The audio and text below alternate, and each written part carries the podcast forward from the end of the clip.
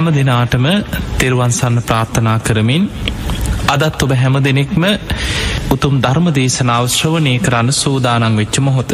ඉතිං ඔබ හැම දෙනාටමත් ඒවගේම ධර්මශ්‍රවනය කරන ලක්වාසි ලොවාසී හැම දෙනාටමත්. මේ උතුම් ධර්මශ්‍රවනයක් නිවන්දොරටුවක් බවටම පත්වේවා කියල අපි මුලින්ම ආශිර්වාද ප්‍රාර්ථනා කරනවා. පිඟතුන්ට මතක ඇති ධර්ම දේශනා කීපයකටම මාතෘකා කරගන්නට යෙදුනේ බුදුරජාණන් වහන්සේ මේ ලෝකයේ තියෙන මංගල කාරණා හැටියට පෙන්නලදීපු ඒ මංගල කාරණ ඇතුළත් මහා මංගල සූත්‍රයේ පිළිබඳව. මේ මහා මංගල සූත්‍රයේ ගාථාවෙන් ගාථාව අපි අපට තේරෙන විදිහට ධර්මී සඳහන් අර්ථ විස්තර කර ගනිමින් අපි කොහොමද මේ මහාමංගල සූත්‍රය අපේ ජීවිතයට ප්‍රායෝගිකව ගලපගන්නේ මේ කාරණාපි කතා කර. බොහෝ වෙලාවට අපි පුරුදු වෙලා ඉන්නේ මහා මංගල සූත්‍රය කියනවා මංගල සූත්‍රය කියනවා කියලා මේක කටපාඩමින් කියාගෙනයන්. එක්කො පිරිත් පොත බලාගෙන පිරිතක් හැටියට සජ්්‍යායනා කරන්නයි පුරුදු වෙලා තියෙන්. නමුත් මේ මංගල කාරණා තිස්සට දිහා බලනකොට අපිට පේනවා මේ මහා මංගල සූත්‍රයේ සඳහන් මේ කාරණා අපි සජ්්‍යහයනා කර කර ඉන්නවට වඩා සජ්්‍යහයනා කිරීමත් පින් රැස්වෙන කාරණයක්. හැබැයි ඊට වඩා මේ කාරණා තමන් තුළ මේ ගුණධර්ම ඇතිකර ගත්තොත් ඔබට ධර්මී ප්‍රතිඵල සීයට සීයක් තමන්ටම තමා තුළින් අත්දකින්න පුළුවන්කම ලැබෙන. බුදුරජාණන් වහන්සේගේ ධර්මය අවබෝධ කරගන්න නම් ඔබ තුළ ඇති කරගන්න ඕනේ අංග දෙක තමයි යෝනිසෝ මනසිකාරයයි දම්මානු දම ප්‍රතිපද ඒ ධර්මයට අනුකූලව ජීවත්වීම.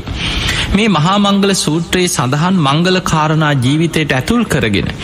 ඊට අනු ඔබට ඔබේ ජීවිතයේ හැඩගස්වාගන්න පුළුවන්නං අන්න මේ මහා මංගල සූත්‍රයේ සඳහන් ඒ මංගල කාරණය ඔබේ ජීවිතයටම ඒක උතුම් මංගල කාරණයක් බවට පත්වෙලා ඔබේ ජීවිතයේ මෙලෝ පරලොව යහපත උදා කරගන්න පුළුවන්කම තියෙනවා.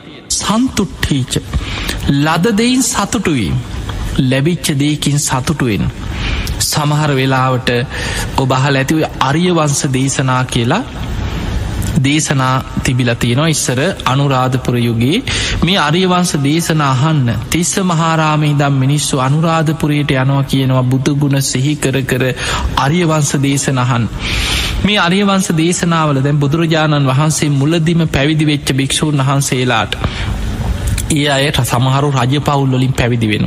සිටු පවුල්ලොලින් පැවිදි වෙනවා. බොහෝම සැප සම්පත් ඇති තැන්වලින් පැවිදි වෙන.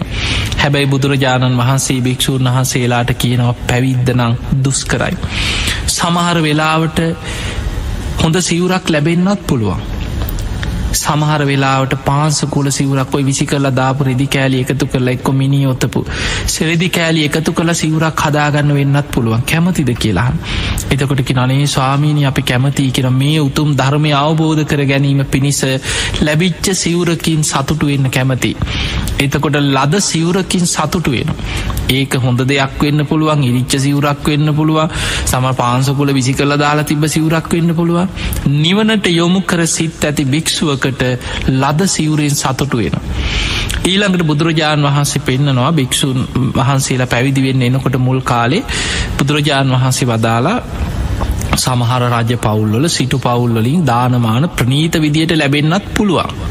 හැබැයි සමහර වෙලාවට දානෙ නැතිවෙන්නත් පුළුවන් පින්ඩ පාති ගියත් පිළුණු වෙච්ච දෙයක් ගුරෝසු දෙයක් වලඳගන්න බැරි සමාට යවහාල් ටිකක් එහෙම දෙයක් ලැබෙන්න්නත් පුළුවන්.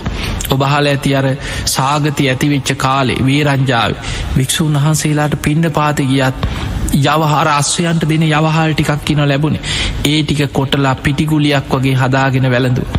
එතොට බුදුරජාණන් වහන්සේ යහනවා ඒ නිසා ලද පින්ඩ පාතකින් සතුටු වෙන්න වෙනවා. අනේ ස්වාමිනි අපි කැමතියි කියෙන මේ උතුම් නිවන නැමති අරමුණ උදෙසා ලදදයින් සතුටුවෙන් අපි කැමති ලැබිච්ච දෙයකින් වේලිච්ච දෙයක් වෙන්න පුළුවන් තෙත දෙයක් වෙන්න පුළුවන් කුසගින්න නිවාගන්න පුළුවන් ඒටි අපිට ඇති කියනවා. ඊළඟට බුදුරජාණන් වහන්සේ පෙන්න්නනවා හොඳ රජවරු සිටුවරු හොඳ ආරාම සේනසුන් විහාර හදල පූජ කරන්න පුළුවන්. සමහර වෙලාවට ගල්ලෙනක ඉන්න වෙන්නත් පුළුවන් ජීවිතේ.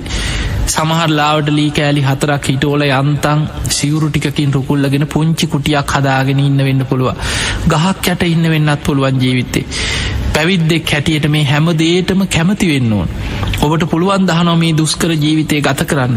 ලද කුටියකින් සතුටු වෙන්න පුළුවන්ද? අනී ස්වාමීනී පුළුවන්කින් අපේ අරමුණ කුටියක් නෙමෙයි. උතුන් නිවන් අවබෝධ කර ගැනීම. ඒ නිසාපිට ලැබිච්ච දෙයකින් සතුටු වෙලා එදා රාත්‍රී කොහේ හරි වැටිලා. දැම් බලන්න සාරිපුත්තයන් වහන්සේ. ප්‍රඥාවන්තයන් අත රාග්‍ර සාරිපුත්ත මහරහතන් වහන්සේ දේශනා කරන උන්වහන්සගේ තේර ගාථාවේ නිවනට යොමුවෙච්ච සිත් ඇති භික්ෂුවකට භාවනාවට වාඩි වුණාට පස්සේ දනිස් දෙක තෙමෙන්නේ නැත්නම් ඒ තරම් පුංචි කුටියක් වුණත් හොඳට මැති කියන. වේලිච්ච දෙයක් වෙන්න පුළුවන් තෙත දෙයක් වෙන්න පුළුවන් පින්ඩ පාත යනකොට කුසගින්න නිවාගන්න මොකාක් හෝ දෙයක් ලැබෙනවනං ඒ ටිකත් ඇති කියනවා. දැම් මේ කවුද සාරිපුත්තයන් වහන්සේ. උන්වහන්සේගේ ලද දෙයින් සතුටුවීමේ ගුණය මෙන්න මේ වගේ. ඊළඟට බුදුරජාණන් වහන්සේ ඒ කාලි තිබිල තියෙනවා ඔයි පූතිමුත්ත බේ සජ්‍ය කියලා අර කෝකටත් අයිල වගේ හැම ලෙඩකටම තිබුණේ මෙන්න මේ බේත. සමහල්ලාට මොන අසනීපය හැදුනත් ඔන්න ඔයි බේත තමයි ඒ කාලෙ තිබිලතියෙන්. බුදුරජාණන් වහසයන හොඳ වෛද්‍යවරු ඒ කාලි ඉඳල තියෙනවා. හොඳ වයිත් දැන් ජීවක වෙද මහත්මය ගෑන සඳහන් වෙනවා. ඒ වගේ හොඳ වෛද්‍යවරු ඒ කාලි ඉඳල තියෙන හැබැයි සමහර වෙලාවට ලෙඩත් දුකක් හැදුනහම හොඳ වෛද්‍යවරේ කොයාගන්න නෑ බෙහෙතක් නෑ. කැලේ සමහර වෙලාවට තියෙන මොකක් හරි කොලේකි එක්වර හැමදේටම තිබිච්ච පූතිමුත්ත බේසජ්‍ය කියන මේ අරලු ගවමුට්‍රවල දාලා පල් කරලා හදන බේතක් හැටිට ඔයි විනේ අටුවාවල මේ බෙහෙත ගැන සඳහන් වෙන ඒ කාලි තිබිච්ච බෙහෙතක්. එතකොට මෙන්න මේ බේත විතරයි තියෙන්නේ. බුදුරජාණන් වහස භික්‍ෂූන් වහන්සේලාගෙන් අහනෝ කැමතිද මේ දුස්කර ජීවිතයට ස්වාමීණි කැමතිය කෙන ඉතින් ඒ වගේ පැවිද්දට ආපු කෙනා ඒ වගේ ඕන දේකට ඔරොත්තු දෙන්න පුළුවන් විදිහට ලද දෙයින් සතුටු වෙන්න පුළුවන් විදිහි ජීවිතයක් ගත කරන්න පුරුදු වෙන්නට ඕන. ඒ වගේම ධර්මය තුළ ජීවත්වෙන ගිහි ශ්‍රාවකය දැන් ඒකන ප්‍රත්තිවේක්ෂාව බහල ඇතින කුටියක් ගැන ප්‍රත්තිවේක්ෂාවත් තියෙනවා.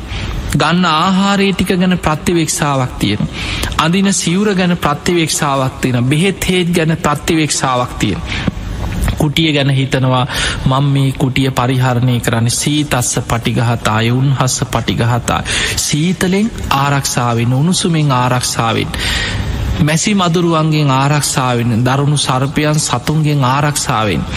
එතකොට මෙන්න මේ කුටියක් පරිහරණය කරන්නේ මොකටද? ගිහි ශ්‍රාවකයන් පවා දැනගන්න ඕන ඇයි අපි ගියක් හදාගන්න?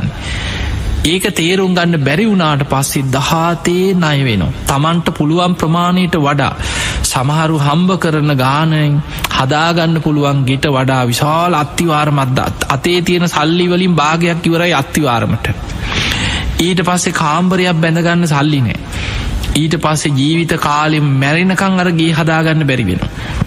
නය වෙනවා සීට්ටු දානවා නයකාරය වෙනකොට හැන්ගෙනවා ජී නින්දක් නෑ එතකොට තමන්ට ලදදයින් සතුටු වෙන්න බැරි වුණාට පස්සේ. සමහරු බලනවා එහා ගෙතර මනුස්්‍යයා කොහොමදගේ අරගෙදර මනුස්්‍යයයි කොහොමද? මේ අයගේ කොහොමද? එතකොට එකෙක් කෙනාට ඕන විදිහෙට සමහරු තමන්ගේ ගෙයි කෑල්ලෙන් කෑල් සමහර ගෙවල් ජීවිත කාලෙම හදන එකම තමයි. ඔන්න සිමින්තිය කඩලා එක්කොට අයිල් අල්ලනවා. ටික කාලයක් ගියාට පස්සේ දැන් ඕක නෙමේ මෙන්න මේකයි කියල ඒක කඩලා ලෑලි අල්ලනවා මැදල පොලිස්කරපු ලී අල්ලනවා ඒක ගලෝල තවමොකක් හරි දෙයක් අල්ලන. එතකොට මේ ජීවිත කාලෙම කඩනවා හදනවා කඩනවා හදන. සමහරුගේ ජීවිතයේ ලද දෙයින් සතුටක් නෑ. සමහලාට මුළු රෙදි කඩේම ඇද්දත් තමන්ට ඇඳුමක් නෑ. සතුටක් නෑ. ලංකාව ඇඳුන්න ඇඳුම් හොයන් සමහරලා රටරටවල්ලො ඇවිදිනවා. ඇඳුමක් හොයාගන්න. එතකොට මේ වගේ කවදාවත් ලද දෙයින් සතුටු වෙන්න බැරි පුද්ගලයව ඉන්න. එවැනි පුද්ගලයන්ට ජීවිතයේ හැමදාම අසහනය දුක පීඩාව තෘප්තියක් නෑ ලැබිච්ච කිසිම දෙකින් තෘප්තියක් නෑ. හැබැයි ලද දෙයින් සතුටු වෙන්න පුළුවන් දේ බුදුරජාණන් වහන්සේ පෙන්න්නන සන්තුට්ටීච. ඒතම් මංගල මුත්තම. ඒක මංගල කාරණය. එනිසා ඔබ මේ කියන කරුණු ඔබේ ජීවිතය තුළ ඇති කරගන්න.